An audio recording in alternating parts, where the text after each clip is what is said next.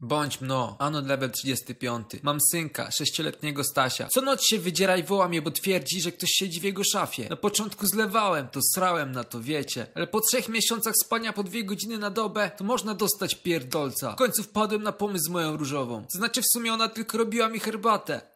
Jak wypuszczałem Herosa na wyprawę. Że dzisiejszej nocy do szafy schowa się mój brat, Janusz. Janusz powie młodemu, że czasem w jego szafie szuka tajemniczego skarbu. Żeby sobie nie zajmował nim głowy i szedł spać. Wtedy Staś może przestanie drzeć ryje, buzię i zacznie spać normalnie. Tak więc zrobiliśmy. Janusz schował się do szafy Stasia i cierpliwie czekaliśmy, aż Staś się położy. Ja w międzyczasie chowałem sobie prasowane skarpetki. Zauważyłem, że brakuje mojego pistoletu przy oznace. Pan Bagietmeister od 6 lat. O kurcze bele.exe. Janusz! Januszowi się coś pojebało. Zamiast wyjść i mówić, że szuka skarbu w szafie, to wystraszył młodego. A!